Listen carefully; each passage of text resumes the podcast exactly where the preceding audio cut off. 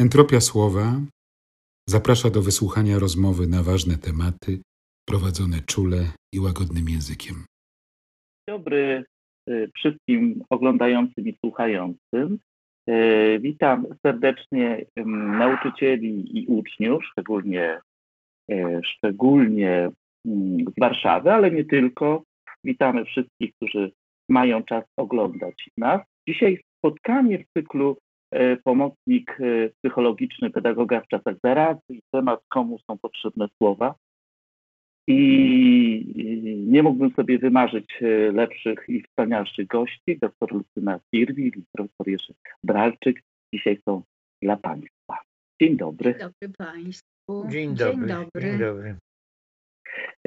Dziękuję, że przyjęliście zaproszenie i jak wiecie, prywatnej naszej rozmowie, ale muszę upublicznić tę wiadomość. Do Was pierwszych wykonałem telefon, e, do Ciebie Lucyno i e, zapytałem się, czy zgodzicie się wziąć udział e, w, w takim pomyśle w cyklu rozmów skierowanych właśnie do nauczycieli i do uczniów i zgodziliście się. I pomyślałem sobie, że jeśli Wy się zgodzicie, to na pewno, na pewno po pierwsze ten cykl ma jakiś sens, a po drugie, że inni też e, zgodzą się i przyjmą, przyjmą zaproszenie. Jestem Wam e, ogromnie wdzięczny, bo e, dzisiaj będziemy mówić o koronawirusie i będziemy mówić o, o, o przeżywaniu tego czasu, o przejęciu się tym czasem.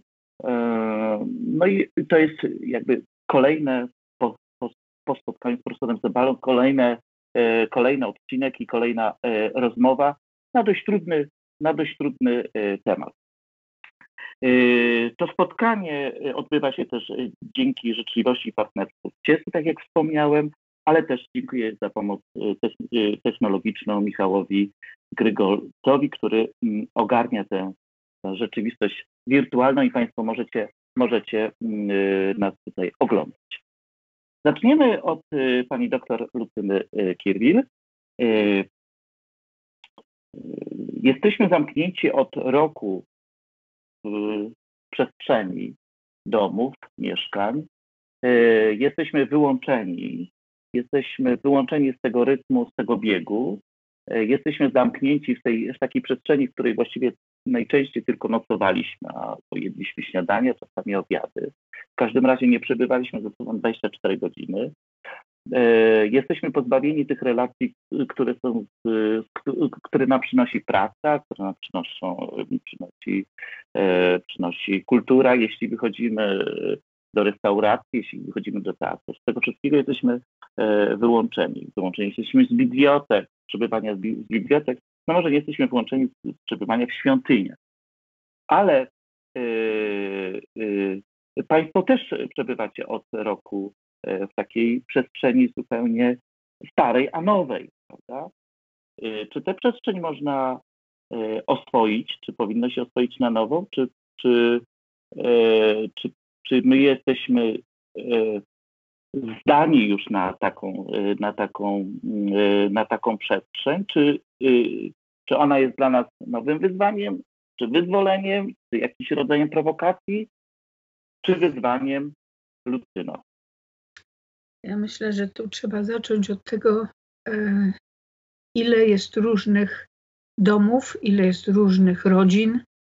Tak sobie te rodziny, ci ludzie, te pary partnerskie, czy e, osoby, które żyją e, jako single, zorganizowały tę przestrzeń wcześniej. I im mniej ludzi na tej przestrzeni musi pozostawać, tym łatwiejsze jest opanowanie, oswojenie tej izolacji, bo to, co głównie tutaj, z czym mamy głównie do czynienia, to jest to, że skurczyły nam się bodźce, rodzaje bodźców, z którymi mamy do czynienia. I teraz, jeżeli żyliśmy w takim minimalizmie w tym mieszkaniu, to oczywiście e, te potrzeby, które mamy, które mamy w związku z przebywaniem w samotności, muszą być zaspokajane przez nas i y, dlatego musimy sobie to wzbogacić. Ale jeżeli mieszkaliśmy na przykład od początku w takim domu, w jakim my mieszkamy, E, a mamy to szczęście, że dom budowany był no, 20 parę lat. E, ja mówię o tej przestrzeni, nie o domu, bo dom mm -hmm. był budowany -hmm. krócej. E, I że mamy tutaj właściwie wszystko, co, na, co lubimy, co nam jest potrzebne, z czym chcemy być. Mamy też duży ogród, więc dla nas to akurat było łatwiejsze. Ale weźmy na przykład sobie czteroosobową rodzinę w wieku między 30 a 40 lat, gdzie jest dwoje dzieci która mieszka nawet, no powiedzmy, w tym, co się dawniej nazywało M4 czy M5, ma trzy pokoje, kuchnię, przedpokój, e, no i każdy ma swoją tę przestrzeń wcześniej oswojoną, ale w tej przestrzeni przebywał w sumie mało, prawda? Tak, tak jak powiedziałeś, to jest, e, nie wiem, jedliśmy, wieczorem przychodziliśmy, rozmawialiśmy, e, odpowiadaliśmy na e-maile, odrabialiśmy lekcje, no, oglądaliśmy wspólnie jakieś kino i właściwie tego czasu było mało. Jak ktoś miał jeszcze, będąc uczniem, zajęcia pozalekcyjne, to w ogóle wracał o godzinie 8 albo 9 wieczorem i też nie miał. Jeżeli rodzic szedł do y, fitnessu, to też wracał o 10 na przykład. I tak naprawdę do dzielenia tam były rutyny, które dobrze znaliśmy, dobrze były wypracowane.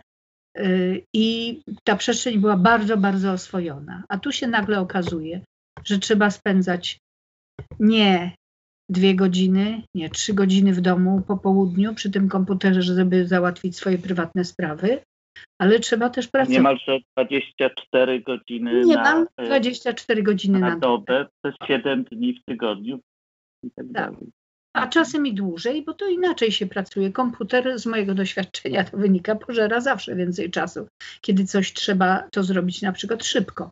Yy, ale w ogóle więcej to czasu zabiera, niż, aniżeli my sobie wyobrażamy. Wyobrażamy, że to będzie błyskawicznie, a to nie jest błyskawicznie.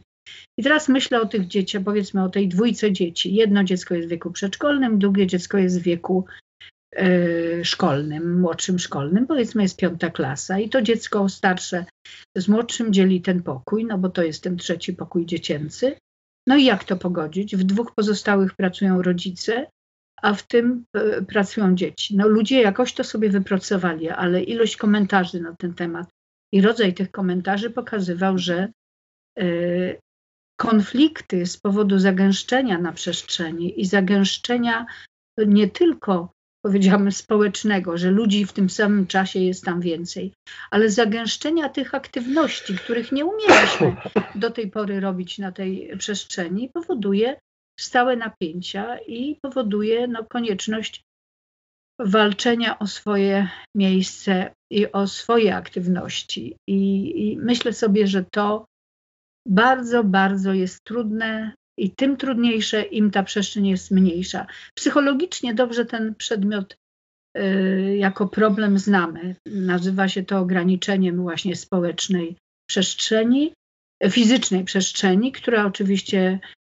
skutkuje w zagęszczeniu społecznym, no i zazwyczaj, no pamiętam te badania właśnie z lat e, gdzieś 1960., 70., te badania pokazywały, e, badania przynajmniej nad agresją, że rośnie właśnie ilość frustracji, konfliktów, agresji. Ale potem szybko się okazało, że też rośnie liczba takich w ogóle aktywności, w tym również aktywności kooperacyjnych. Więc ja sobie wyobrażam, że ludzie ze swoimi zdolnościami adaptacyjnymi dobrze się do tego no, musieli dopasować. Jedni, jednym to mhm. wychodziło lepiej, innym to wychodziło gorzej. Ponieważ rozmawiamy na temat, komu są potrzebne słowa e, w tym okresie, dlatego od tej, właśnie od komunikacji zaczęłam, że mhm. wypowiedzi tych badanych, ankietowanych, to byli badani dorośli, wskazują na to, że oni są niezadowoleni z pogorszenia się komunikacji każdego rodzaju. To znaczy, studenci, uczniowie są niezadowoleni z pogorszenia się komunikacji z nauczycielem, y, nauczyciele są nie, czy profesorami, Profesorowie nie są zadowoleni z tego powodu, że pogarsza się komunikacja z uczniami. Dzieci są niezadowolone, że pogarsza się komunikacja z rodzicami, bo rodzice mają dla nich mniej czasu. O dziwo, mimo że są mhm. więcej w domu. E, rodzice e, są niezadowoleni z pogarszającej się komunikacji, dlatego że uważają, że dzieci są natarczywe albo że w ogóle się zamykają przy tym komputerze swoim i po czasie nauki szkolnej grają w gry komputerowe i nie można ich od tego oderwać, że dzieci nie są zainteresowane wymianą kom jakichś komunikatów z rodzicami. No i ja myślę, że ten stan no, jest stanem totalnej deprywacji. To nie jest taka deprywacja, jaką się ma na przykład, nie wiem, no, w celi więziennej, gdzie były takie badania robione, dość długo, co się dzieje z więźniem i jakie skutki są tego. E, skutki są takie, że on żyje bardzo często no, w, pozbawiony tych podstawowych bodźców e, I, i myślę tutaj też o diecie, myślę tutaj o nawykach higienicznych, myślę tutaj o osobistych e, przedmiotach, których nam jeszcze nie zabrano. To jeszcze w tym COVID-zie, ale ci, którzy byli w szpitalu, do tego doznali też że ta deprywacja nie tylko rodzi frustrację, ale rodzi właśnie lęk, poczucie beznadziejności, poczucie wycofania się, bierność, niechęć do podejmowania jakiejkolwiek aktywności, jako inne, przeciwstawne zjawisko do tego, o którym już mówiłem, to znaczy do wzmożenia aktywności. E, no, ale mamy też w tym wzmożeniu aktywności, no, wzmożenie aktywności e, online, przeróżnej e, aktywności. No, o innych rzeczach jeszcze powiem. A to z kolei się przeniosło, żeby zobaczyć pozytywne, pozytywne strony zamknięcia nas w tej przestrzeni, to dało z kolei okazję starszym ludziom do nauczenia się obsługi komputera, programów e, i komunikatorów, etc. E, niemniej, niemniej ja mam takie wrażenie, że problem zamknięcia, proszę skoryguj mnie, jeśli nie mam racji, albo popraw mnie, jeśli nie mam racji, albo proszę, żebyś skomentowała to, że myśmy stracili w tym, znaczy zostaliśmy wybici ze status quo. Zostaliśmy pozbawieni kontroli, którą y, mamy nad własnym życiem i to buduje jakiś rodzaj frustracji, prawda? Oczywiście. To też mamy tutaj przykład y, takich badań eksperymentalnych, które y, no, formalnie to były badania nad ograniczeniem wolności wyboru. I to jest taka sytuacja. Ta sytuacja jest sytuacją, gdzie ktoś za nas decyduje, jak mamy żyć, jak mamy jeść, kiedy mamy robić zakupy, e, kiedy mamy iść na spacer, dokąd mamy iść na spacer. E, I takie ograniczenie świadomości, naszej świadomości i możliwości wyboru produkuje najczęściej po prostu bunt. Najpierw frustrację, niechęć, oczywiście nawet jeżeli to jest dobrze kontrolowane, bo jest uzasadnione, jest dobrze dobrymi racjami, właśnie tymi, które są związane, żeby nie zachorować, żeby nie zarazić innych, podyktowane, to i tak ograniczenie tego typu powoduje, że człowiek traci y, poczucie własnej tożsamości. On staje się kimś innym. Y, ja do tej pory nie użyłam takiego słowa covidowiec, ale on jest covidowcem. Mhm. Wszyscy jesteśmy tymi covidowcami.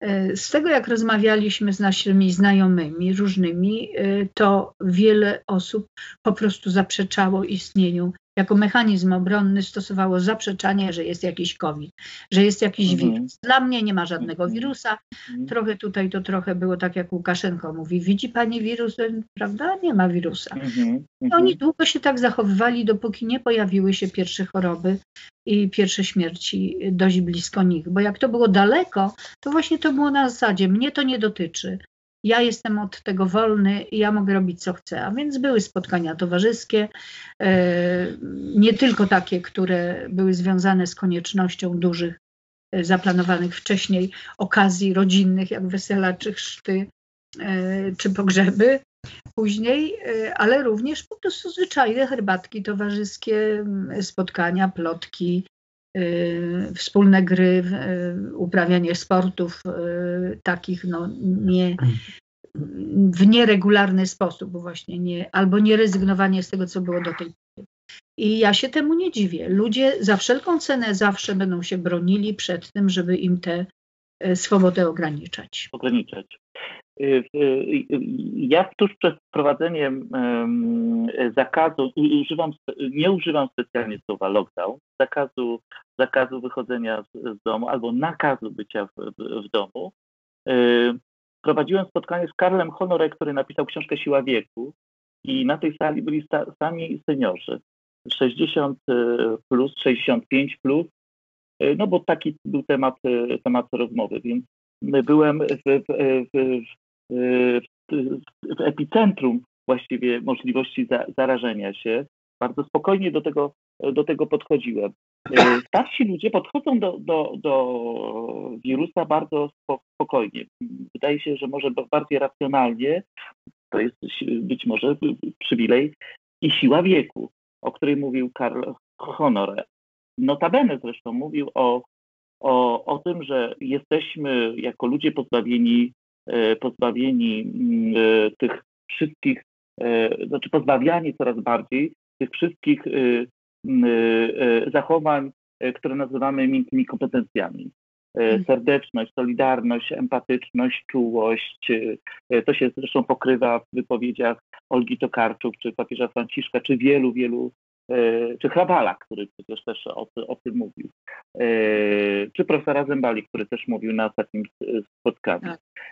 Mówię to dlatego, wspominam dlatego, że mówimy o epidemii, czy nawet pandemii, e, gdzie umiera setki tysięcy ludzi, a ja dzisiaj sprawdziłem badania, że w grupie 15-29-latków e, mhm. codziennie popełnia się w wyniku, mówię, mówię o czasie e, zamknięcia tego epidemii, epidemii 800 tysięcy samobójstw. Mówię to też dlatego, i tak, skutecznych samobójstw. Nie mówię o próbach, o próbach. 800 tysięcy rocznie. To jest e, w, w, trakcie ostatniego roku na, na e, koronawirusa umarło 2 e, miliony 300 osób. Czyli uży, możemy używać też sformułowania już epidemia samobójstw, epidemia depresji, epidemia związana z frustracją. Mówię to dlatego, że w dniu, w którym, e, w którym wprowadzono nam zakaz wychodzenia z domu, zadzwoniłem do mojej przyjaciółki i mówię, słuchaj, będziemy przed bardzo dużym dylematem e, e, etycznym, trudnym do rozwiązania. Na szali będziemy mieli oto życie ekonomiczne, i życie ekonomiczne, które też pozwala nam żyć w sposób duchowy, fizyczny i tak dalej, ale a, i mamy też życie związane z, z, z, z, codziennością, z kulturą, z, byciem ze, ze sobą. I to po, położyć, położyć te dwie rzeczy na szali i zrównoważyć je, wybór jest bardzo trudny, właściwie niemożliwy. Każdy z nich prowadzi do katastrofy. No tak, rzeczywiście jest. Tylko jak y, poruszasz sprawę samobójstw, to jest troszkę większy problem, bo samobójstwo jest ucieczką. Przepraszam, po prostu mo może mówię Lucyno o tym, że być może zajęliśmy się bardzo mocno gospodarką, prawda, tak, tymi ekonomicznymi tak. rzeczami i odłożyliśmy, ja właśnie, y, nie zachowaliśmy też... współ, współmierności, czy, współ, y, czy równowagi, też... żebyśmy zachowali swoją, swoją swojego ducha, swoją kulturę, no, jeśli ktoś jest religijny, religijności, prawda? Tylko zajęliśmy się tą i koszty są, są olbrzymie, ponieważ umiera y, bardzo dużo y, ludzi, ale będziemy leczyć ludzi po, po tym czasie bardzo, bardzo, bardzo, bardzo długo. Ilość depresji nie tylko takich przejściowych, obniżonych nastrojów, ale rzeczywiście ilość depresji, ale nie tylko tych chorób, innych chorób również. Nie wiem, ilość krótkowzroczności dramatycznie wzrośnie e, po tej pandemii. Ale myślę sobie o tych samobójstwach, że to jest dokładnie ilustracja tej, tego mechanizmu, o którym ja mówię. Ludzie, którzy już nie mieli żadnych innych mechanizmów obronnych na, te, e, na pogodzenie się i na e, adaptację do y, sytuacji stopniowego ograniczania, bo my do tej pory nie zaczęliśmy jeszcze mówić na przykład o komunikacji pozawerbalnej. Nie, po, zaczęliśmy mm. mówić o emocjach, że jest trudność y, w, w tym, w przeżywaniu tych emocji, ale też jest trudność w odbieraniu tych emocji. To się cała komunikacja w tym obszarze też y, wyklucza, ale to o tym jeszcze troszkę za chwilę, ale myślę o tym, że to są ci, którzy te samobójstwa popełniają, to są ludzie którzy tracą nadzieję, którzy szybciej wyczerpują się, którzy się szybciej spalili, jeśli chodzi o te możliwości adaptacyjne i którzy mając zaburzone relacje społeczne, mając zaburzone relacje ze swoimi terapeutami, mając zaburzone relacje z nauczycielami, z rodzinami, z rodzinami, ze wszystkim, po prostu zostali sami ze sobą i to też nie z własną tożsamością, tylko właśnie z tą specjalną tożsamością, którą wytwarza to całe napięcie wokół nas. I ci ludzie zachowują się ucieczkowo, bo oni nie mają y, co zrobić ze światem, z najbliższymi czy z naj, dalszym otoczeniem społecznym. Wiedzą, że nikt im nie pomoże i w sytuacji takiego bardzo obniżonego nastroju po prostu sięgają po to już nie po to, żeby szantażować rodzinę, tylko dlatego, że tak uważają, że to jest dla, że nie ma dla nich przyszłości. Jest to bardzo smutne, że też y, wcześniej nie byli przygotowani na taki, no, na taki kryzys nikt nie był przygotowany, ale ludzie, którzy umieją sobie radzić lepiej z sytuacjami trudnymi, lepiej się też tej covidowej sytuacji moim zdaniem obraniają. A jak, y, jak się obronić, przed, y, obronić się przed potencjalnym językiem, który może być językiem agresji właśnie w takiej zamkniętej y, przestrzeni? On też się może odbywać, czy ujawniać się, tak, ujawniać się, no nawet w takiej rozmowie, kiedy rozmawiamy internetowo, to znaczy kiedy uczeń słucha przez 3-4 godziny nauczyciela, nie ma wzrokowego kontaktu, nie ma takiego organoleptycznego, takiego wprost, realnego, jest ograniczony tą przestrzenią patrzenia po raz, po, po, i nauczyciel też, który jest frustrowany, bo nie widzi uczniów, prawda, domyśla się najprawdopodobniej, że oni są. Um, nawet nie wymyślam tych historii, tylko one są, one się, one się zdarzają. I to rodzi frustrację, która może, może, może być potencjalnym Y, przyczyn, przyczyn, y, może być przyczyną do, do konfliktu, do, do, do agresji. Jak, jak nie dopuścić do tego? Skracać na przykład y, wykłady, skracać te rozmowy, a może nazywać te emocje, a może wiesz, powiedzieć.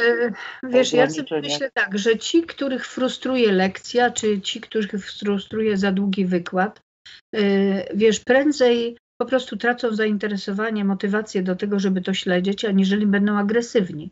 Agresywni będą wtedy, kiedy ktoś ich kontroluje i ktoś ich zmusza, kiedy nauczyciel przerwy prawda, sprawdza, a nie jesteś teraz, wracaj. I tam mogą się takie komentarze pojawić. To tak od tego trzeba zacząć. Ale mhm. muszę Ci powiedzieć, że ja nie mam pojęcia tak naprawdę, co można zrobić, żeby nie yy, obronić się przed takim, ja rozumiem, że pytasz o to, żeby nie mieć wybuchu, tak? Żeby nie wybuchnąć, tak, nie o tak, reakcję tak, na nie, do, nie doprowadzić do takiej Nie wybuchnąć. Y, no wiesz, to jest tak, że podstawowa zasada jest taka, to nie stosować tylko jednego kanału komunikacji, prawda? My mamy szczęście, bo w tej chwili rozmawiamy online i ja widzę e, Twoją twarz, widzę Twoją mimikę, e, Ty widzisz moją i poza tym, co mówimy, jeszcze te mimiczne reakcje y, i sygnały jesteśmy w stanie czytać i nadawać. W sytuacji, kiedy rzeczywiście, jak powiedziałeś, nie widzimy siebie, to nie, mamy bardzo duże trudności w odczytywaniu zarówno emocji, jak i intencji. Na ulicy, kiedy chodzimy w masce, nawet nie widzimy większości ruchów mimicznych, które pozwalają nam identyfikować, co druga osoba czuje i, i w związku z tym i też próbować zgadywać, co ona za chwilę zrobi i czy ona nam zaszkodzi, czy ona, nie mhm. wiemy, czy ona się uśmiecha, czy ona się dziwi, nie wiemy, czy ona jest smutna, czy ona jest wesoła. No mówimy o tym, że oczy tutaj też dużo mówią, ale przepraszam, oczy to za mało, brwi to za mało, jednak jeszcze, jeszcze w takich sytuacjach, kiedy jesteśmy zasłonięci.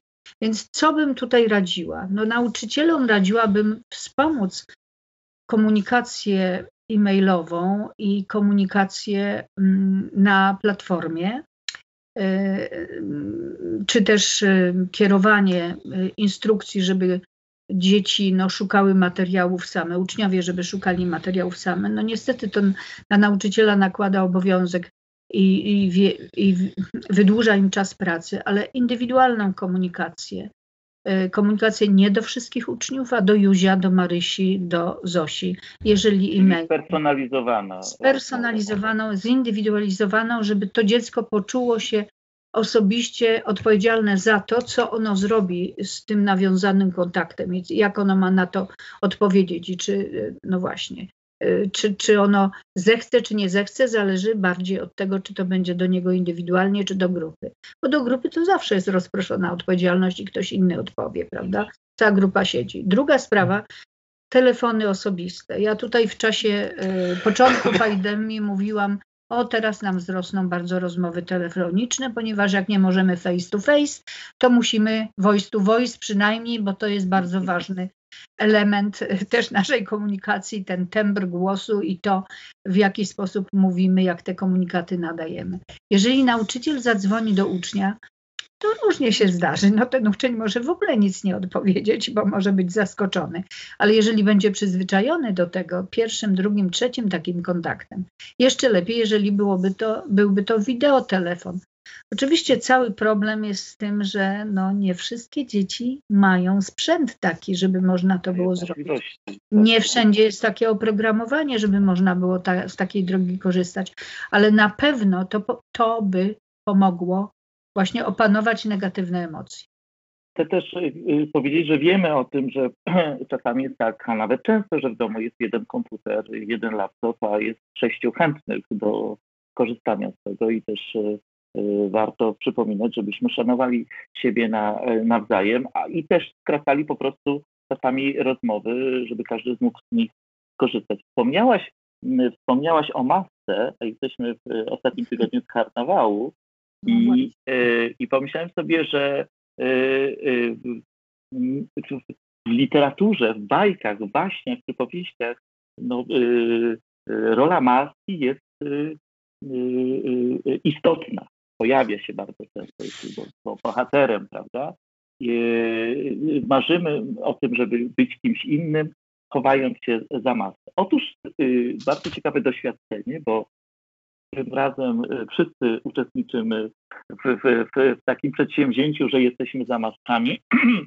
No bo oczywiście chowając się za maską możemy sobie po, po, po, pomarzyć o osobach i postaciach, które, których nigdy byśmy nie byli, a, a, a chcielibyśmy być. Bo możemy zrobić miny takie, których byśmy nigdy nie zrobili, a, a tymczasem okazuje się, że jesteśmy za maskami. Nie wiem, czy Państwo zauważyliście, ale wszyscy, którzy chcą szczególnie okazać sobie serdeczność, zdejmują te maski, żeby pokazać, że się uśmiechają i są wobec tak, siebie ży tak. życzliwi. To jakiś y, ładny syndrom tego, że te maski jednak to jest jakiś nie najlepsze, y, nie najlepszy synonim, y, nie, nie, najlepsze, nie najlepszy symbol tych tych, tych, tych, tych czasów, że my będziemy chcieli szybko zapomnieć jednak o maskach. Oczywiście, ale jest też jeszcze jedna funkcja tych masek, których no też nikt wcześniej nie zakładał prawdopodobnie. Proszę zobaczyć, jak te maski są różne, prawda? Najpierw były tylko same takie chirurgiczne, tak.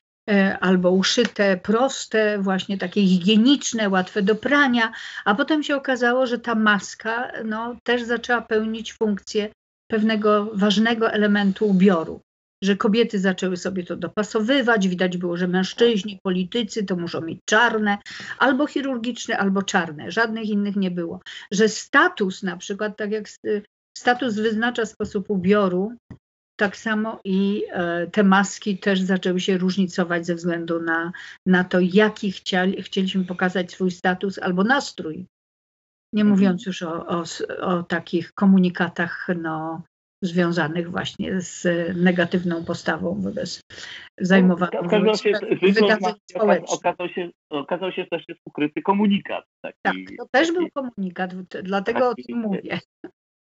Takiej masce. Czy macie Państwo Y, y, trochę już chcę zaprosić do rozmowy, a nawet bardzo chcę zaprosić y, profesora Bralczyka do, do naszej rozmowy. Mm, czy macie, macie takie, takie doświadczenie albo spostrzeżenie jak, jak ja, że kiedy zaczął się, zaczął się koronawirus, to był szum, hałas i bardzo, bardzo dużo słów, a potem tych tych słów było coraz mniej, coraz bardziej się przyglądaliśmy temu i, e, i, i właściwie zbliżam się do ciszy. To znaczy, że w pewnym momencie przestaliśmy o tym mówić, bo wszystkie słowa zostały wypowiedziane. Wszystkie, mówię um, w sposób umowny, że bardzo dużo słów zostało mm, wypowiedzianych. Zaczęliśmy dookre dookreślać i, i wszyscy, wszystkie syndromy związane z tą, z tą, z tą e, epidemią. No i odbijamy się od ciszy, idziemy w stronę e, nadziei. Ja nawet określałem, nakreślałem, określałem to w taki sposób, że, zaczynamy marzyć. Mimo, że jest zima i śnieg i mróz za oknem, to jednak chcemy widzieć zieleń, słońce i, i trochę e, radości. Czy, czy macie takie, takie też doświadczenie i spostrzeżenie? No, marzyć to nie tylko marzyć, zaczynamy planować. Na przykład e, mhm nam jako no, tym najstarszym e, z, tych, z tego całego podziału na różne grupy przypada stosunkowo wcześnie ta szczepionka i w związku z tym e, marzyliśmy o przywróceniu życia kulturalnego, społecznego, o podróżach. No, zaczynamy planować, co będziemy robili na miesiąc, na tydzień po, szczepionce, na miesiąc po szczepionce. Także że to rzeczywiście tak jest. Czy to są marzenia? No, należymy do tych, jak wspomniałeś, ludzi, którzy są bardziej odporni na y, ograniczenia i umiemy odroczyć łatwiej coś, aniżeli ludzie młodsi. Y, nie dążymy do tego tak strasznie szybko. W związku z tym nam się marze, te marzenia nie rozwinęły, ale tutaj przed chwilą mąż powiedział, ach, jakbym pojechał do Lizbony. To jest marzenie jego życia, prawda? Ach, jakbym teraz pojechał i trochę pomieszkał nad morzem, na przykład mówi. No, teoretycznie można było to zrealizować. Pojechać w pojedynkę do prywatnego domu i w ogóle nie, nie martwić się tym. E, także to były takie marzenia, ale nie takie, których by się nie dało e, spełnić. Ten COVID właśnie tym się różni, jeśli chodzi o produkcję e, marzeń, że one są jakby takiej mniejszej jakości obiektywnie, łatwiejsze do zrealizowania, mhm. e, obiektywnie łatwiejsze do zrealizowania, ale w COVID-zie niemożliwe. Także to, co wielkie marzenia, nie wiem, o sławie, mhm. no też są możliwe do realizacji, bo są dużo łatwiejsze. Łatwiej na wejściach zrobić e, sobie na wejściach online zrobić e, popularność, aniżeli na wejściach do sali, gdzie są bil, e, wejście jest biletowane, prawda? Także jak na to popatrzymy, to te marzenia no, ja już nie mówię o nas teraz, ja mówię o tym, że obiektywnie niektórzy mieli znowu większą łatwość, żeby to tak się realizować. Wszyscy blogerzy na przykład od razu wrócili, blog już przestawał być taki y, no, bardzo popularny jakieś, nie wiem, 8 tak, lat tak. temu, prawda? Blogerzy wrócili na swoje pole, prawda, mhm. obiektywnie. I cała ta aktywność, która się działa, no ja tu też muszę powiedzieć, że ja jestem między młodym a kowadłem, bo pracowałam 10 lat w programie e, badań nad bezpieczeństwem dzieci w internecie, gdzie na przykład się mówiło, no dziecko nie więcej niż dwie godziny e, przed, dorastający nie więcej niż trzy godziny dziennie e, przed ekranem. No dzieci, można powiedzieć, marzyły wtedy, żeby rodzice pozwalali im na dłuższy czas przed tym ekranem teraz mają ten dłuższy czas przed ekranem, a my badacze nie wiemy, co z tym zrobić, bo to przeczy zasadom, w jakie tworzą, tworzą się uzależnienia. I dzieci może już o tym nie marzą. Pani profesorze, jak to jest z tymi słowami, których było e, bardzo dużo? Czy to jest. E, ja nie widzę takiej zależności, żebyśmy teraz mieli mniej słów, albo żeby kiedyś było ich więcej. No oczywiście, że kiedy się zmienia sytuacja, kiedy musimy o niej opowiadać, to mamy wrażenie, że pojawiają się jakieś określenia, albo szukamy tych określeń, żeby, żeby to adekwatnie nazwać. A po jakimś czasie możemy po pierwsze przyswoić sobie te słowa i już na nie nie zwracać uwagi, czyli stają się one czymś normalnym i przestajemy uważać, że są one że one bogacą nasz język, no, a z drugiej strony no, wracamy też do normalnych swoich odruchów. Jeśli wolno mi powiedzieć coś nie na temat słów, ale tak przysłuchuję się tej rozmowie, ludzie starsi, ja będę mówił o sobie, bo siebie najlepiej znam, mają taką coraz bardziej wyraźną perspektywę odejścia. I to jest coś, na co się, czy się chce, czy się nie chce, czeka. Dlatego też tak dobrze się postrzega te rzeczy, te zdarzenia, które być może oddzielą od tego odejścia. Czyli będą takie zdarzenia, na które się czeka dobre. Tak mhm. jak zimą czekamy na wiosnę, choć wiemy, że już tych wiosen nie będzie tak dużo, ale chcielibyśmy, żeby jak najszybciej przyszła, nie zdając sobie sprawy, że to skraca nam perspektywę życia w ogóle. To teraz możemy czekać na COVID, bo na niego się także mhm. czeka. Czeka się na szczepionkę. To są takie zdarzenia, które pozwalają mi myśleć o perspektywie czasowej y, trochę inaczej, że oto najpierw będzie coś dobrego i niech ten czas szybciej płynie, bo za chwilę będę na przykład swobodny, będę wolny, będę mógł się inaczej poruszać. Na początku waszej rozmowy była kwestia przestrzeni, opanowania czy zagospodarowania przestrzeni. Owszem, to jest bardzo istotne, ale my nie bardzo odróżniamy też i te dwie perspektywy czasu i przestrzeni na siebie się nakładają, bo to jest przestrzeń w czasie i czas w przestrzeni. Przypomniał mi się znakomity zresztą film Rybczyńskiego, mm, Oscarowy, w mhm. którym wszystko się niemalże dzieje naraz i tak. wszyscy ci ludzie jakoś się tam mieszczą w tym pokoju, bo został zlikwidowany czas. Albo mhm. ten czas ciągle nastający jest, daje też inny, inny aspekt. Widzimy to i trochę y, w tej dużej rodzinie może się teraz takie tango y, zdarzać. No, nie obserwuję tego. Bo jesteśmy, tak jak już żona powiedziała, w innej trochę, w innym trochę uporządkowaniu przestrzennym. Ale też to, że mamy ograniczenia także ograniczenia kontaktowe, także ograniczenia właśnie w pewnym sensie przestrzenne. Nie to, że mamy dla siebie dużo przestrzeni, ale że nie działamy w tej przestrzeni dalej czy szerzej, możemy trochę działać głębiej. Nigdy bym nie sięgnął po te lektury, które miałem na początku y, COVID-u. Teraz już trochę się do tego przyzwyczaiłem, zresztą akurat więcej pracuję niż na początku tego okresu, ale nie czytałem wcześniej albo bym nie, bym nie czytał y, tych y, mądrych ludzi, którzy kilkaset lat temu różne mądre rzeczy do mnie także pisali.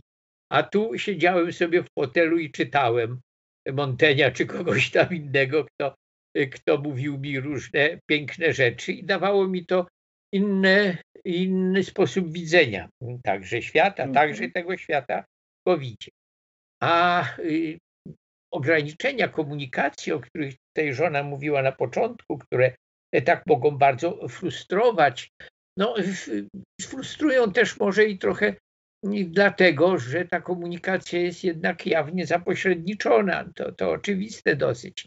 Pojawiają się już takie spiskowe teorie, że komputery, komputery już przygotowują dla siebie, dla siebie świat i dlatego też uzależniają od siebie nas wszystkich. I my, którzy mogliśmy sobie bez nich żyć, teraz już żyć bez nich nie możemy wcale. I telefonia komórkowa, która także się rozwija, i te urządzenia, przez które teraz rozmawiamy, to przecież już nie tylko chodzi o to, że jacyś ludzie na tym zarobią ciężkie pieniądze, co nam się oczywiście nie podoba, ale także, że różne AI, AI zastępuje OE według mnie. No tak. Jednak jest pocieszające, że technologia wynika, jakkolwiek by nas, jakbykolwiek nie nazwać, algorytmów obserwacji ludzkich zachowań. Że jednak komputery, y, no ja myślę, to już jest ja myślę, pytanie. Ja myślę, że nie, że to, że to komputery sobie przy, przy same przygotowały. Wszystko. Tak. No tak jak tutaj wspominał Pan o tej personalizacji, mówiliście o tej personalizacji. To jest następny i to jeszcze bardziej perfidny okres po masowości. Przecież reklama masowa nas przeraża, ale reklama spersonalizowana przeraża nas do kwadratu. To jest dopiero, kiedy kiedy my zostaniemy wciągnięci, wessani przez to wszystko. No tak, ale to są poniekąd żarty i zostawmy to na poziomie żartu tylko. To, jak my nazywamy rzeczywistość, też, jak wiadomo, ją poniekąd stwarza. Te różne alternatywne środki komunikacji, te media, jak najbardziej u nas alternatywne, bo przecież też związane politycznie z różnymi, z różnymi stronami, no dają pewne obrazy. Na przykład mamy dwa obrazy. Rząd sobie radzi, rząd sobie nie radzi. No i mamy te dwie narracje, które są tak bardzo nieprzystawalne do siebie. No my możemy oczywiście w naszej dążności naturalnej skądinąd do narzekania powiedzieć, że oczywiście, że sobie nie radzi, ale po obejrzeniu paru wiadomości telewizyjnych w TVP, wiemy już, że tak naprawdę to nawet jeśli sobie nie radzi, to mniej nie radzi niż inni. I na pewno mniej nie radzi niż inni by sobie nie radzili w ich sytuacji. Także sumie z bezpieczeństwa do niebezpieczeństwa możemy sobie przeskakiwać i nie wiemy jak jest. Bo nie ma też porównania. Sytuacja ekstremalna wymaga ekstremalnych środków. Ta sytuacja wprawdzie przestała być odczuwana jako ekstremalna, bo przez rok nie można się znajdować na, na ekstremum żadnym, to tak długo człowiek nie wytrzyma, ale ciągle jest nieporównywalna. Ciągle jeszcze jest takim doznaniem, które nas może nie. No, ja nie mogę się wypowiadać, choć się właśnie wypowiadam, to tak wypowiadam się, a nie powinienem, bo po pierwsze twierdziłem z pewnym bólem nawet, że teraz mam wytłumaczenie dla nierobienia tego, czego i tak bym nie robił, gdyby była sytuacja inna, tyle tylko, że wtedy wytłumaczenia bym nie miał. Ale to jest, tak, to jest, to jest bardzo podobna sytuacja do tych, których mówią, mówią, mówi wielu ludzi, którzy, którzy zostali pozbawieni e, pracy, to znaczy takiego przychodzenia, obowiązkowego przychodzenia do, do pracy. Otóż, otóż zostali wysłani na taki przysłowiowy e, urlop i nagle się okazało, że oni na tym urlopie, prawda? Ale, ale z drugiej strony okazuje się, jak wiele rzeczy my możemy robić, czy ludzie mogą robić, wcale nie chodząc do pracy. Do pracy wcale nie tak. wstając o siódmej czy o piątej i siadać do zatłoczonego tramwaju, tylko tak. iść sobie do swojego biurka i to samo robić w domu. I bardzo ciekaw jestem, czy te wielkie szklane domy, które zaśmieciły nam całą Warszawę, nie będą musiały znaleźć trochę innego zastosowania. Może to będą takie parki rozrywki po jakimś czasie. Tak jak Nową Hutę próbowano w ten właśnie sposób zutylizować, to może i te wielkie szklane, już nie powiem co. Tak, tak. w tym sensie, że mogłoby to być wielkie muzea historii pracy bi bi bi biurowej, prawda? Albo agencyjnej, reklamowej, tak, tak, tak, tak, to bardzo ładne. I, i, I, wycieczki chodziłyby od biurowca do biurowca, bo każdy ma swoją historię. Każdy Jak wychodziliby z tak, domu tak, z pracy, ze swojej tak. pracy domowej by wychodzili, to żeby zwiedzić tamte. No Ale tak. to jest też, to jest chyba też, to jest też takie doświadczenie szkolne.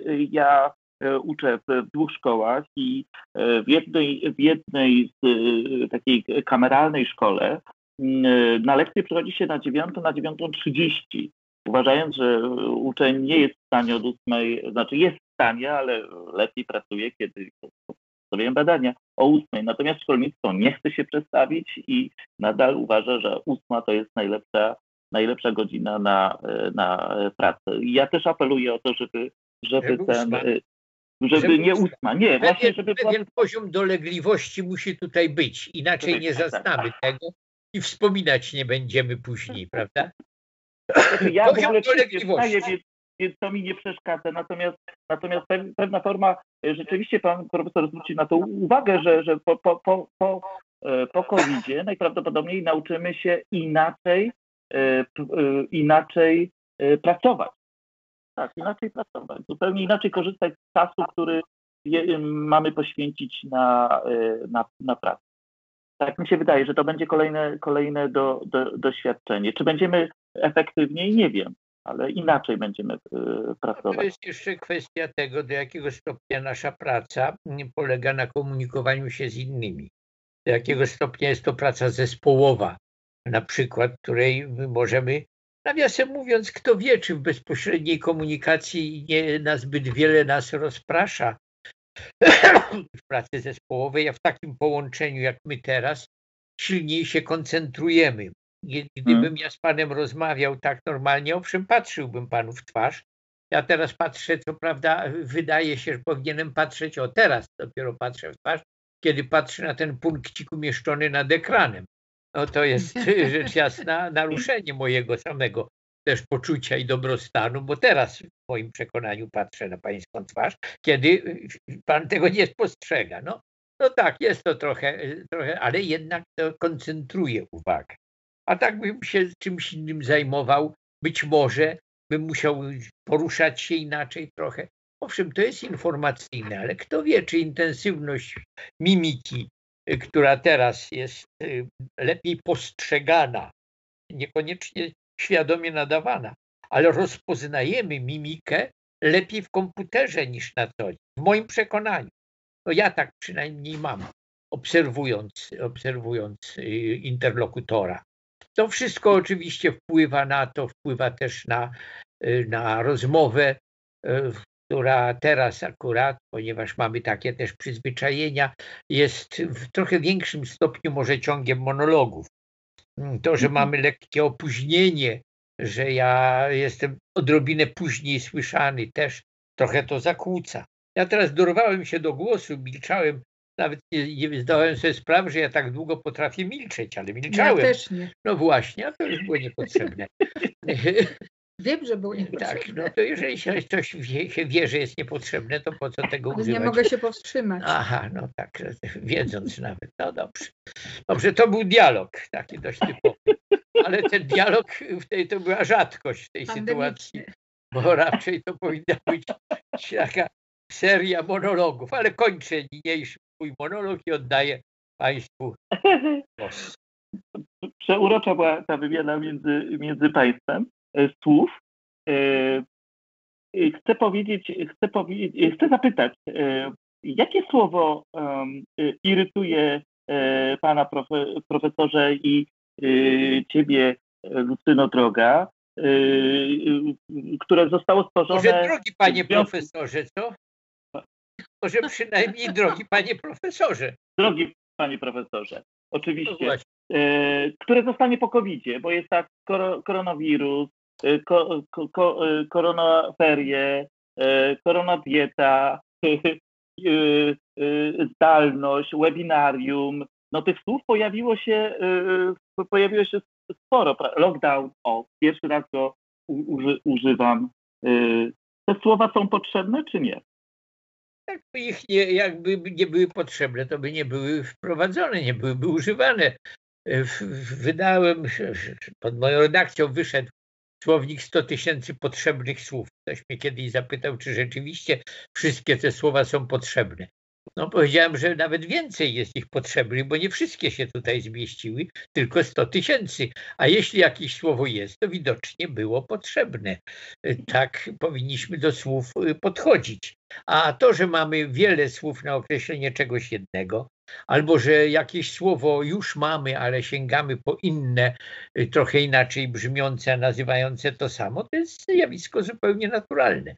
Słowa mnie nie drażnią, słowa mnie nie irytują, nie przeszkadzają mi. Bardziej przeszkadza mi ich sposób wypowiadania, czasem ich konteksty, czasem intonacja, a czasem e, nadmierność, e, czyli zbyt częste używanie. To wszystko e, to nie jest kwestia materii słów, bo one są w porządku, ale pewnych okoliczności używania. Używanie słów może może razić, a najbardziej razi mnie używanie słów najpiękniejszych i to jest pewnego rodzaju paradoks.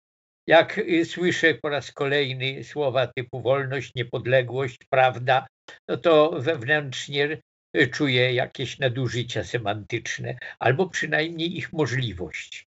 Chciałbym hmm. tego nie mieć, ale te słowa no, są w naszym języku. Będę teraz ich użyłem w cudzysłowach, ale często zdarzy mi się pewnie i użyć ich bez tych cudzysłowów. To wszystko, to nie my jesteśmy winni słowom, nie my jesteśmy winni, nie słowa są winne, a świat jest tak zbudowany. Y, żeby zrozumieć świat, y, przyda nam się książka, y, która jest o tyle najnowsza, że nie jest najnowsza, bo już jest przeze mnie po pierwsze używana, ale jest reedycją. Książka Porzekadła, książka, która została wydana przez wydawnictwo Bosch z rysunkami Henryka Stawki, pokazuje to ja ogromną układce, to ja jestem.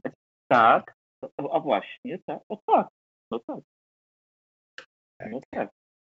E, e, chcę, chcę, mm, e, chcę porozmawiać chwilę o tej książce, bo tak się umówiliśmy, że, że porozmawiamy o najnowszej książce, chociaż mówię, to ona jest re reedycją książki, która nie zupełnie, chyba... Nie zupełnie. Książka, która wyszła tak, kilkanaście lat temu, miała inny układ, nie była ilustrowana.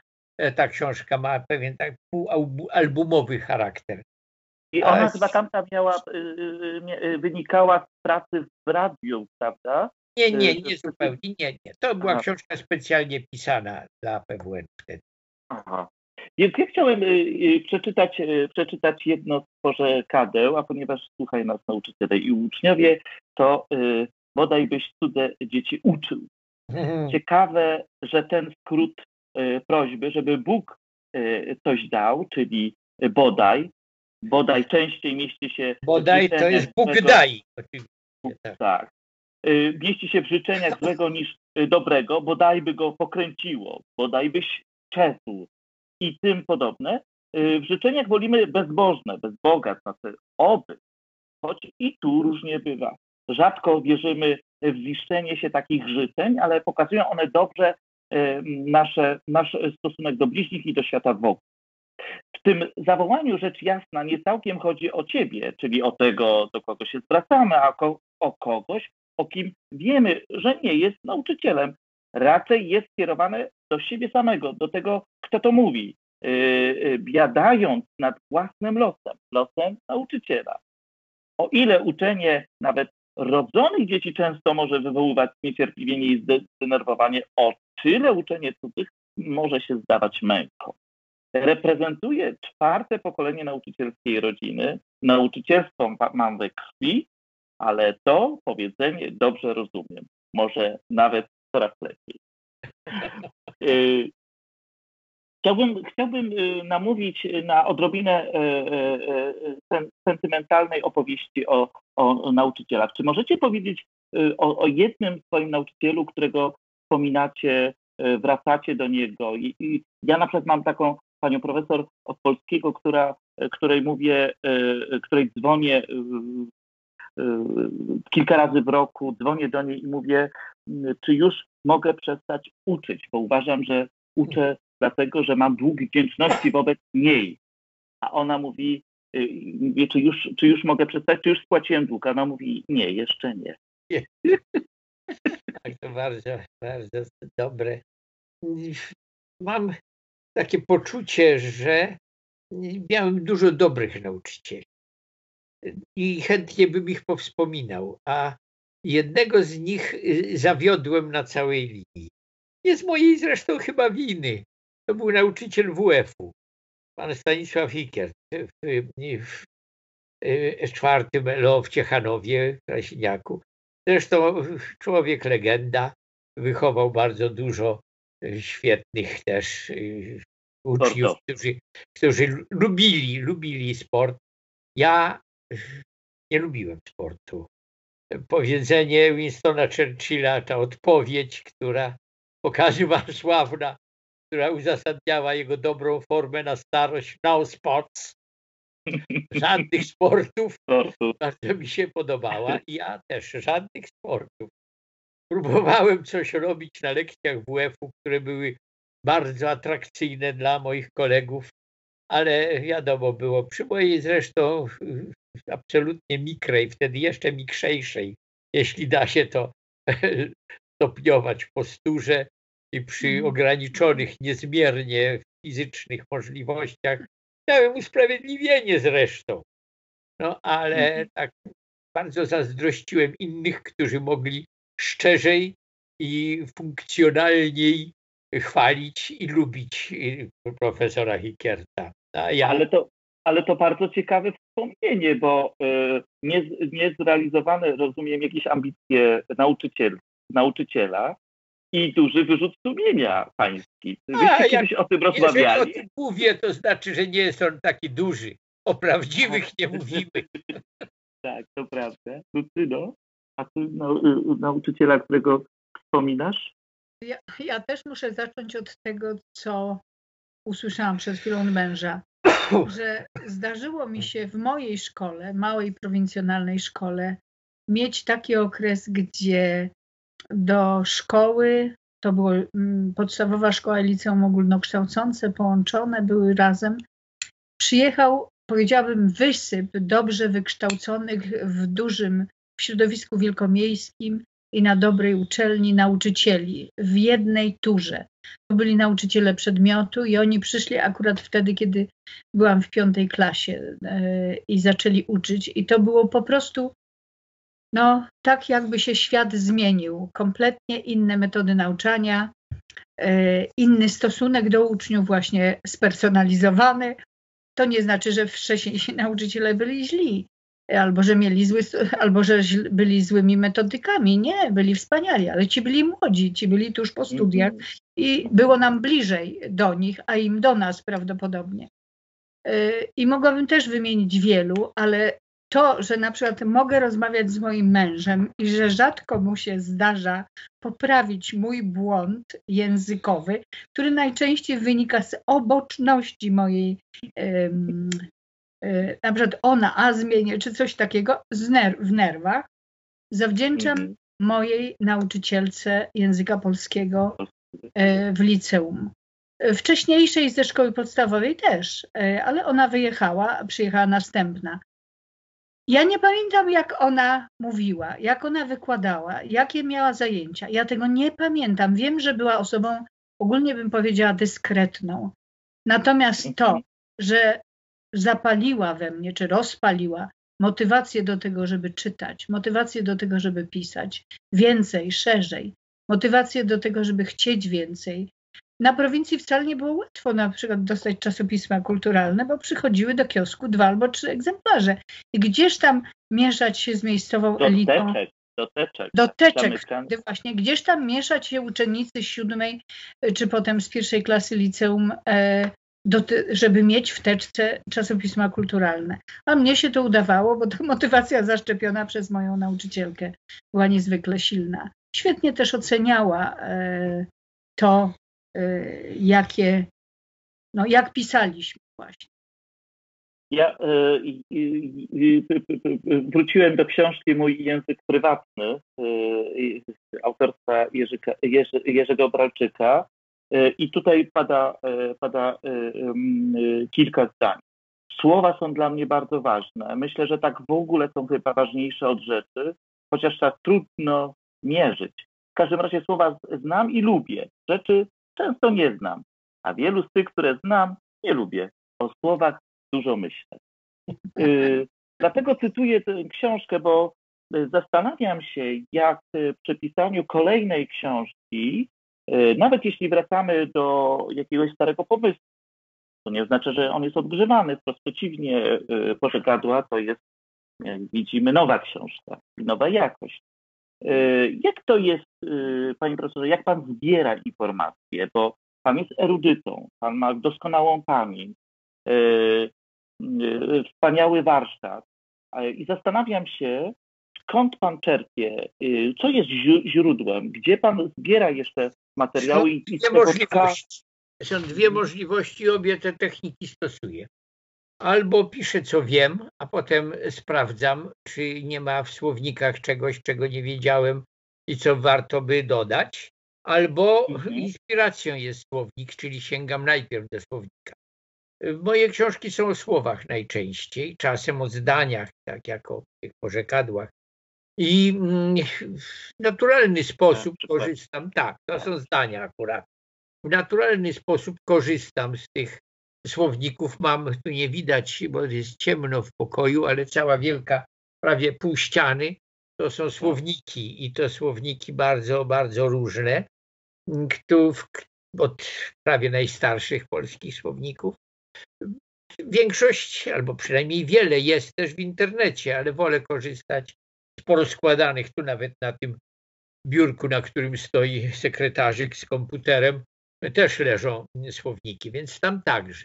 Ale kiedy pisałem ten słownik y, prywatny, czyli mm, kiedy tę drugą część tego słownika, czyli pisałem o użyciach słów. Mój język prywatny. Tak, użyciach słów takich, na które nie zwracamy uwagi prawie, kiedy je wypowiadamy, a są one niezmiernie ważne i świadczą o naszym stosunku do świata. Mm, to raczej korzystałem z pewnej, by tak rzec, fantazji językowej, którą w sobie odnajdowałem. Czyli jak ja używam tego słowa i jak jeszcze użyć bym go mógł. Mhm. Różnie to, różnie to jest. A jak jest z porzekadłami? Porzekadła, jak, porzekadła są inwentaryzowane w różnych księgach przysłów, ale też no, mamy je w dyspozycji.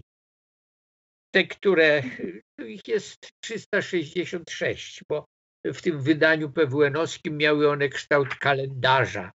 No, na mhm. każdy dzień wypadało jedno y, porzekadło, więc ich jest jeszcze więcej. Niektóre są już trudne do interpretacji. Ale a tu chodziło mi o takie, które coś tam o nas mówią. Które... A czy ten podział, tak, czy ten podział spisu treści to też jest pański e, Ten podział pomysł? jest mój i on właśnie jest inny niż tam no był. Właśnie. To jest ta, e, także nowa jakość, bo pogrupowałem je w te kategorie, które mówią o człowieku, o zwierzęciu, o Bogu, o diable, o naszych niektórych cechach dobrych czy też złych. No, można w ten sposób też zrekonstruować takiego umownego Polaka, który, który te wszystkie cechy najczęściej nie najlepsze ma, bo przecież porzekadła nie są o nas samych, tylko o naszych bliźnich. To tak naprawdę mówimy o tobie, a nie o sobie. O, o ale, ale porzekadła ewoluują, prawda? Zmieniają. Rzadko, y, rzadko. One jednak polegają na tym, że, że się nie zmieniają, nawet jeśli są nonsensowne. Jest jedno porzekadło, które wprawia mnie ciągle w taki stan wstydu, bo nie wiem, co to znaczy. Kompletnie. Nim słońce wzejdzie, rosa oczy wyje. wyje nie tak. mam zielonego Zupełnie, pojęcia, tak. co też to może znaczyć i przyznaję się do tego. Bardzo bym chciał, żeby mi ktoś wreszcie powiedział. To tak jak teolodzy zastanawiają się o nieuczy, nad nieuczciwym włodarzem, którego Pan pochwalił w Ewangelii i nie bardzo wiedzą, jak to wytłumaczyć. Żadna interpretacja nie jest dobra. No i ta interpretacja tutaj też nie pasuje. To jest tak jak w tej przypowieści ewangelicznej, e, zabiorą ci nawet to, czego nie posiadasz. No, to już zupełnie no tak, ale Pan Bóg tam jawi się nam bardzo różnymi obliczami w tej książce. Tak, ja rzeczywiście mam to, mam to, to porzekadło, nim słońce wzejdzie, rosa oczy wyje. To też sobie zapisałem jako, jako przedziwne, przedziwne po, po, po. Ale na przykład e, porzekadło, e, kto szybko daje, dwa razy daje, daje to może być zmienia, całkiem różnie. Jedna tak. z nich prawdziwa interpretacja bis dat, to dat, ten kto daje szybko, to tak jakby dawał dwa razy. A interpretacja moich studentów, bo jak ktoś daje szybko, to potem będzie musiał drugi raz jeszcze dać. Także za szybko. To, to, to już świadczy też o tym, że, że, że jakaś ewolucja od czasu do czasu zdarza się. Jest możliwa w każdym razie. Jest możliwa. A ten podział, ten podział na y, przyrodę, na zwierzęta, y, bra, bracia mniejsi, bracia dalsi. Bracia y, jeszcze mniejsi. Tak, i mniejsi, i bliżsi, prawda? To miał pan też taką radość. Tak, tak. Jedna z radości, która jest mniej dostępna osób niepiszących, to na przykład znajdowanie tytułów. Jest to czasem bardzo długotrwały proces, ale jak już znajdę dobry tytuł, pamiętam jak pisałem, napisałem książkę o języku reklamy I w ostatniej chwili, kiedy już groziło tej książce to, że będzie miała tytuł Język reklamy, czego bym chyba nie zniósł, to wpadł mi do głowy pomysł Język na sprzedaż. Potem zresztą pojawiły się liczne inne książki, znaki na sprzedaż, kultura na sprzedaż, wszystko. Ja oczywiście też to ściągnąłem z Wajdy, wszystko na sprzedaż, ale była to, było to w moim przekonaniu dobre, dobre y, nazwanie tej książki. Mój język prywatny też wydaje mi się, y, zajmowałem się językiem publicznym przez całe lata, językiem polityki, propagandy, reklamy, od wczesnej młodości właściwie tym się zajmowałem. To mnie tam trochę nawet kłopotów kosztowało. Ale y, prywatnym zająłem się w tej książce właśnie. Mówi, y, y, dziękuję, że Pan wspomina o tych kłopotach, bo kiedy przygotowałem się do rozmowy, a miałem przyjemność rozmawiania publicznie z, Państwem kilkukrotnie, z panem, panie profesorze, kilkukrotnie na pewno, z okazji 50-lecia pracy. Ja myślę, że to kilkunastokrotnie było jednak. To prawda. I e, e, no, wolę być asekuracyjnie skro, skro, skromny, może to nie wybrzmiało, ale, ale ciesz, cieszyłem się rozmowami z, z państwem i tam podczas, podczas tego 50-lecia pracy, pracy za który nieustannie dziękuję dwom tu obecnym osobom, czyli mojej żonie przede wszystkim i panu. Bardzo dziękuję. Ale tam, tam rozmawialiśmy o habilitacji. Dzisiaj, dzisiaj wróciła ta habilitacja do mnie, bo ja miałem to szczęście trzymać e, ten, e, ten, ten wydruk, właściwie biały kruk w rękach. Ale, ale właściwie można to powiedzieć jako dygresyjkę. Jak to jest, że cenzorzy Y, zatrzymali pańską pracę habilitacyjną, czyli zabronili pisać ci, którzy y, no, sobie przypisywali więcej praw do, do woleliby, woleliby, żeby jej nie było widocznie i żeby była. I to jest nawet czasem zrozumiałe, że jak czasem wolę, żeby, żeby czegoś nie było, to staram się to zlikwidować. Wykazywał Pan ogromną cierpliwość, jak, jakkolwiek patrzę i bo, bo mówi pan, że, że, że był pan najmłodszym doktor, doktorem, a potem w, w, historii Uniwersytetu Warszawskiego. A potem, no nie, nie, na polonistyce było na polonistyce, tak. Profesor tak. Akter i ja, że najwcześniej. A teraz już pewnie te rekordy są pobite, bo to były dawne czasy. Ale, ale występowanie y, i bycie, bycie trochę aktorem y, to jest y, ciekawe, ciekawe doświadczenie w, w pańskim życiu? No, owszem, bywałem aktorem, może nie aż tak bardzo jak chciałem, bo kiedyś w ogóle chciałem być aktorem. Zresztą człowiek często bywa aktorem, nawet w życiu prywatnym. Pewne cechy aktorstwa w jego postępkach daje się zauważyć. I y, mam dużą chęć bycia oklaskiwanym. Tak jakoś to, od no dziecka mi się to tak pojawiło, kiedy stawałem na stole i mówiłem wierszyki, które do tej pory występ, zresztą pamiętam. O tym występowaniu to też można przeczytać. Też tu jest. No tak, prywatnie opowiadałem o tym dla publiczności. Ale, ja, ja nie przypadkiem mówię o tym aktorstwie, bo chciałbym, jeśli słyszą nas rodzice albo uczniowie, żeby byli świadomi, że ten, który jest nauczycielem, wykładowcą, terapeutą, e, no, uczestniczy w, w pewnej dramaturgii, a nawet jest spektaklu. spektaklu, tak, w, którym właściwie po 45 minut po godzinie wychodzi wyczerpany e, i zmęczony, bo przecież chce wystąpić, e, wystąpić mm, jak najlepiej przed, przed małą, ale jednak wymagającą publicznością. Musi być ciekawy, musi. Jest paradoks. To jest jeden jedna z postaci paradoksu o aktorze Diderot, prawda? Tak, ten tak. paradoks o aktorze brzmiał trochę inaczej, a tu chodzi o to, że z jednej strony chcemy wypaść jak najlepiej, ale wiadomo, że ci, którzy pokazują, że chcą wypaść jak najlepiej, wypadają gorzej. Jest to coś, do czego nie trzeba się przyznawać. Jako student ceniłem sobie tych wykładowców, którzy nie grali, którzy byli tak zagłębieni w swoim przedmiocie, że zdawało się czasami, że nie biorą pod uwagę słuchaczy, że Mhm. siedzą tam gdzieś w środku i tylko pomrukują na zewnątrz. Pani profesor Zofia Stefanowska, która prowadziła wspaniałe wykłady na temat odmiany, odmiany tekstu y, w Odzie do młodości, no była stosunkowo mało, y, powiedziałbym, atrakcyjna jako retorka, jeśli dzisiaj Mhm. byśmy tego słowa użyli. Miała wszystkie negatywne cechy, a jednak słuchało się jej.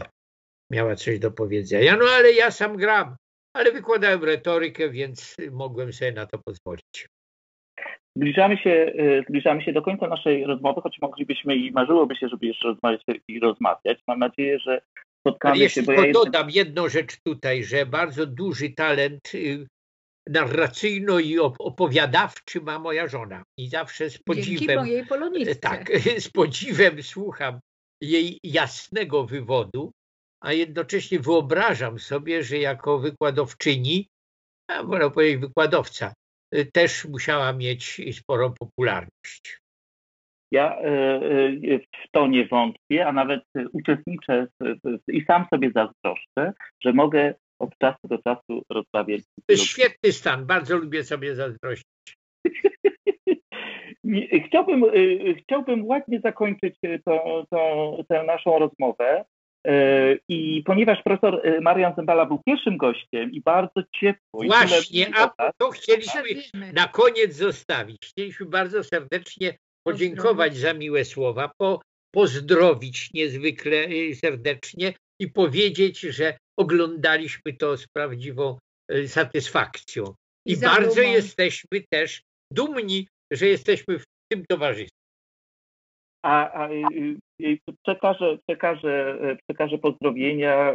Na pewno profesor w wolnym czasie między czwartą a piątą rano, rano o- obejrzy, obejrzy to, bo jest nieprawdopodobnie prac- pracowity, ale komu ja to mówię?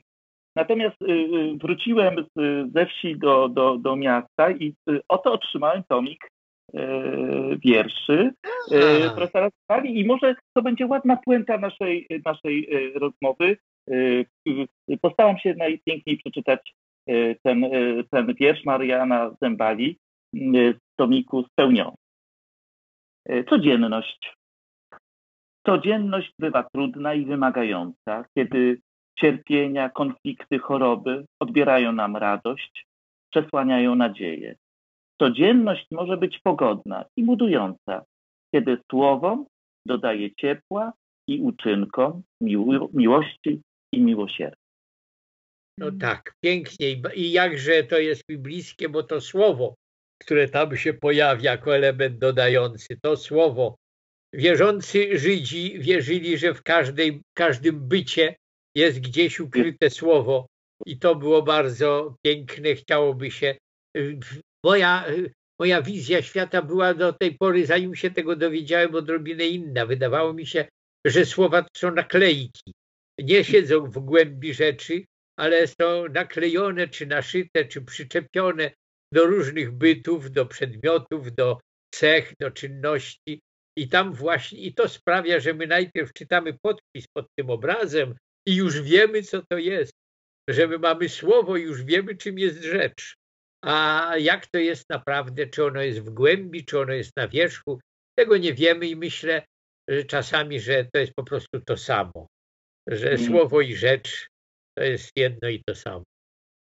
A na pewno ważne są dla siebie i dla nas. No przede wszystkim dlatego, że w naszym ośrodku centralnym, w mózgu wszystko mamy, świat odzwierciedlony. E, Przecież to, tylko on jest w nas. Jego nie ma, naprawdę. W ogóle nas, nas też pewnie nie ma. Tylko nam się zdaje, że jesteśmy. A już Mam was to nie ma na pewno. Na pewno. Mam nadzieję, że jednak, mimo że nas nie było i tej rozmowy nie było, a słowa są i rzeczy być może też także są, jednak ta rozmowa udała się nam nagrać i będziemy mogli ją odtworzyć. Bardzo, bardzo dziękuję. Bądźcie zdrowi. Yy, z serdeczności, czułości, yy, wszystkiego co, co najlepsze. Bądźmy. Pozdrawiamy wszystkich reprezentantów najwspanialszego zawodu na świecie. No I i, ich bardzo uczniów. dziękuję. i tych, którzy mają z nim, mogą z nimi obcować. Bardzo dziękujemy i odwdzięczamy się tym. Zachęcamy do tego, żeby obcowali z nimi, bo warto. Wszystko przed nami. Wszystkiego dobrego. Wszystkiego dobrego. Dziękujemy za wysłuchanie tej rozmowy. Zapraszamy do odwiedzenia naszych kanałów. Więcej informacji o wszystkich naszych propozycjach znajdziesz na naszym Facebooku oraz www. Każda rozmowa jest także do obejrzenia na naszym kanale YouTube. Do zobaczenia i usłyszenia. Entropia słowa.